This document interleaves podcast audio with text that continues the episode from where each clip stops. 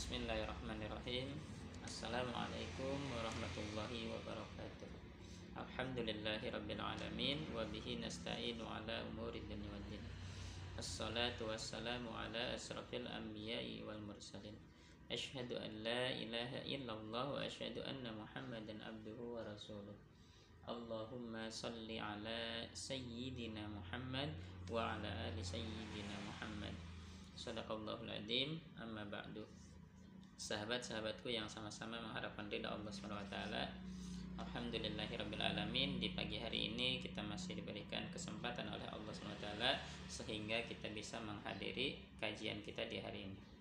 Baik untuk pertemuan kita di kali ini Kita masih membahas tentang bab meningkatkan kualitas amal-amal soleh. Yang mana bab meningkatkan kualitas amal-amal soleh ini ada empat poin Poin pertama menyesuaikan amalannya dengan sunnah Nabi Shallallahu Alaihi Wasallam. Poin kedua memilih amalan yang paling utama dan yang paling penting. Poin ketiga memilih waktu yang tepat untuk suatu amalan. Dan poin yang keempat dilakukan secara sederhana dan terus menerus. Baik, karena poin pertama dan poin kedua sudah kita bahas untuk Hari ini kita akan membahas poin yang ketiga yaitu memilih waktu yang tepat untuk suatu amalan. Seorang muslim yang ingin meraih ganjaran pahala yang melimpah di sisi Allah atas suatu amalan yang dikerjakannya harus mengetahui dan menjaga waktu-waktu yang terdapat keutamaan padanya untuk suatu amalan tertentu. Misalnya contoh yang pertama, menunaikan sholat wajib lima waktu secara berjamaah di masjid pada awal waktunya. Hukum sholat berjamaah bagi laki-laki adalah wajib. Berdasarkan firman Allah SWT A'udhu billahi minasyaitonir Wa aqimus sholata wa atuz zakata warka'u ma'ar Dan dirikanlah sholat tunaikanlah zakat dan rukulah bersama orang-orang yang ruku. Quran surat Al-Baqarah ayat 43. Sahabat-sahabatku yang sama-sama mengharapkan ridha Allah SWT banyak para ulama berdalil dengan ayat ini tentang wajibnya sholat berjamaah. Juga berdasarkan, berdasarkan riwayat dari Ibnu Abbas radhiyallahu anhuma dari Rasulullah sallallahu alaihi wasallam beliau bersabda Man sami'a man sami'an man sami'an nidaa falam ya'ti fala salata lahu illa min udrin Barang siapa mendengar azan kemudian tidak mendatanginya maka tidak ada salat baginya kecuali karena ada uzur. Hadis riwayat Ibnu Majah nomor 793. Sahabat-sahabatku yang sama-sama harapkan dari Allah SWT juga ditunjukkan atas kerasnya teguran para sahabat radhiyallahu anhum yang terkandung dalam ucapan sahabat Abdullah bin Mas'ud radhiyallahu anhu. Walaqad ra'aituna wa ma yatakhallafu anhuma wa ma yatakhallafu anha illa munafikun. Ma'lumun dan saya melihat pada zaman kami para sahabat bahwa tidak ada yang meninggalkan sholat berjamaah kecuali orang munafik yang telah diketahui kemunafikannya. Pada zaman para sahabat hanya orang munafik yang meninggalkan sholat berjamaah. Kalau datang waktu subuh dan isya mereka enggan untuk hadir sholat berjamaah di masjid karena keadaan pada waktu keduanya gelap. Berbeda dengan sholat yang dilakukan di siang hari, mereka ikut berjamaah karena ria. Sholat berjamaah memiliki banyak sekali keutamaan.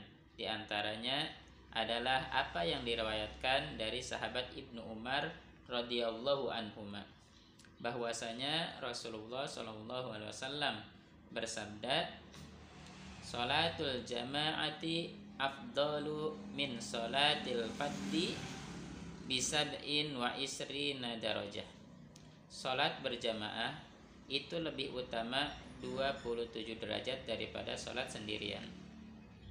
Hadis riwayat Al-Bukhari nomor 645.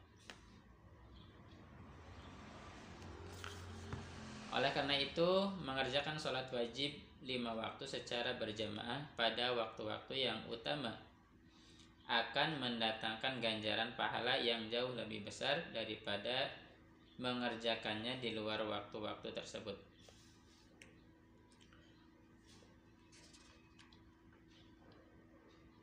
Contoh kedua dalam memilih waktu yang tepat untuk suatu amalan yaitu membaca jikir pagi waktunya antara subuh hingga matahari terbit dan membaca zikir petang waktunya antara asar hingga matahari tenggelam. Rasulullah Shallallahu Alaihi Wasallam bersabda yang artinya aku duduk bersama orang-orang yang berzikir kepada Allah SWT dari mulai sholat subuh sampai terbit matahari. Lebih aku cintai daripada memerdekakan memerdekakan empat orang budak dari anak Ismail dan aku duduk bersama orang-orang yang berzikir kepada Allah SWT dari mulai salat asar sampai terbenam matahari lebih aku cintai daripada memerdekakan empat orang budak. Hadis riwayat Abu Daud nomor 3667. Sahabat-sahabatku yang sama-sama mengharapkan ridha Allah SWT, waktu yang terbaik untuk membaca zikir pagi adalah setelah selesai membaca zikir setelah sholat subuh hingga terbit matahari. Adapun waktu yang terbaik untuk membaca zikir petang adalah setelah usai sholat asar hingga menjelang waktu maghrib. Maka seorang muslim yang ingin meraih ganjaran pahala yang besar di sisi Allah SWT seharusnya memanfaatkan waktu-waktu tersebut untuk berzikir pagi maupun sore supaya ia tidak terluput dari pahala yang begitu besar.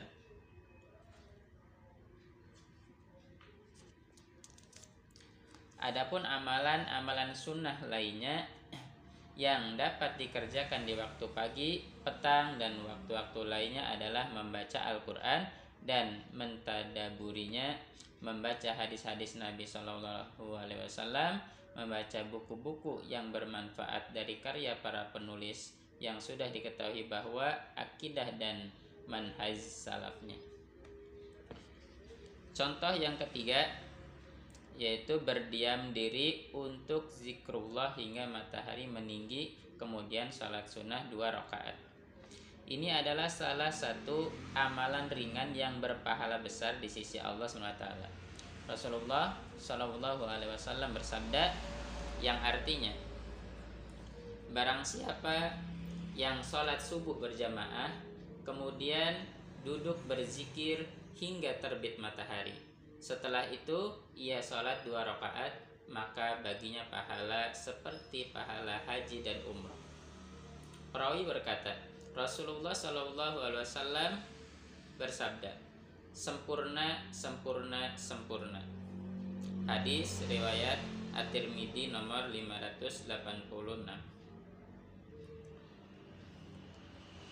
Sahabat-sahabatku yang sama-sama mengharapkan ridha Allah SWT dan masih banyak lagi contoh-contoh amalan yang ringan namun berpahala besar di sisi Allah SWT. Seharusnya bagi setiap muslim dan muslimah untuk mencermati dan mengerjakan amalan-amalan tersebut untuk dapat meraih ganjaran pahala yang melimpah. Hal itu bisa diketahui dengan menuntut ilmu syar'i karena ilmu akan memperkenalkan kepada kita kadar amal dan martabatnya. Mana amalan yang utama dan mana yang lebih utama, mana amalan yang penting dan mana yang lebih penting. Orang yang berilmu hanya memilih amalan yang paling utama bagi dirinya, adapun orang yang beramal tanpa didasari dengan ilmu, maka dia akan menyangka bahwa keutamaan suatu amalan terdapat dalam banyaknya kesusahan yang ada padanya. Maka orang ini memilih amalan berat walaupun keutamaannya kurang. Padahal banyak amalan yang utama yang lebih ringan daripada amalan yang kurang utama. Sahabat-sahabatku yang sama-sama mengharapkan ridha Allah SWT Alhamdulillahirrahmanirrahim Pada kesempatan ini kita sudah membahas tentang poin ketiga yaitu memilih waktu yang tepat untuk suatu amalan dan tadi udah ada tiga contoh waktu yang tepat untuk mengamalkannya. Contoh yang pertama yaitu menunaikan sholat wajib lima waktu secara berjamaah di masjid pada awal waktunya. Contoh yang kedua membaca zikir pagi waktunya antara subuh hingga matahari terbit dan membaca zikir petang waktunya antara asar hingga matahari tenggelam dan contoh yang ketiga yaitu berdiam diri untuk zikrullah hingga matahari meninggi kemudian sholat sunnah dua rakaat Alhamdulillahirrahmanirrahim Mudah-mudahan kita semua dapat mengambil hikmahnya Dan mudah-mudahan Allah memberikan hidayah kepada kita Serta kekuatan kepada kita untuk selalu beribadah kepada Allah SWT Amin, amin ya rabbal alamin Baik sebelum kita akhiri pertemuan kita di pagi hari ini Mari kita berdoa kepada Allah SWT Mudah-mudahan Allah mengampuni dosa-dosa kita dan mengabulkan doa-doa kita. Amin. Amin ya rabbal alamin. Bismillahirrahmanirrahim. Allahumma salli ala sayyidina Muhammad wa ala ali sayyidina Muhammad. Allahumma ighfir lana dunubana wa warhamhuma kama rabbayani shaghira wa li jami'il muslimina wal muslimat wal mu'minina wal al ahya'i minhum wal amwat. Allahumma anfa'na bima 'allamtana ya arhamar rahimin. Allahumma inna nas'aluka salamatan wa afiyatan fil jasad wa ziyadatan fil ilmi wa barakatan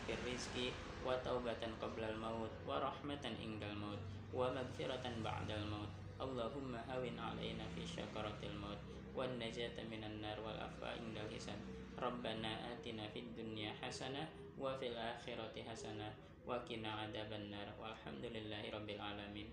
والله أعلم بسؤال سبحانك اللهم وبحمدك أشهد أن لا إله إلا أنت أستغفرك وأتوب إليك. والسلام عليكم ورحمة الله وبركاته.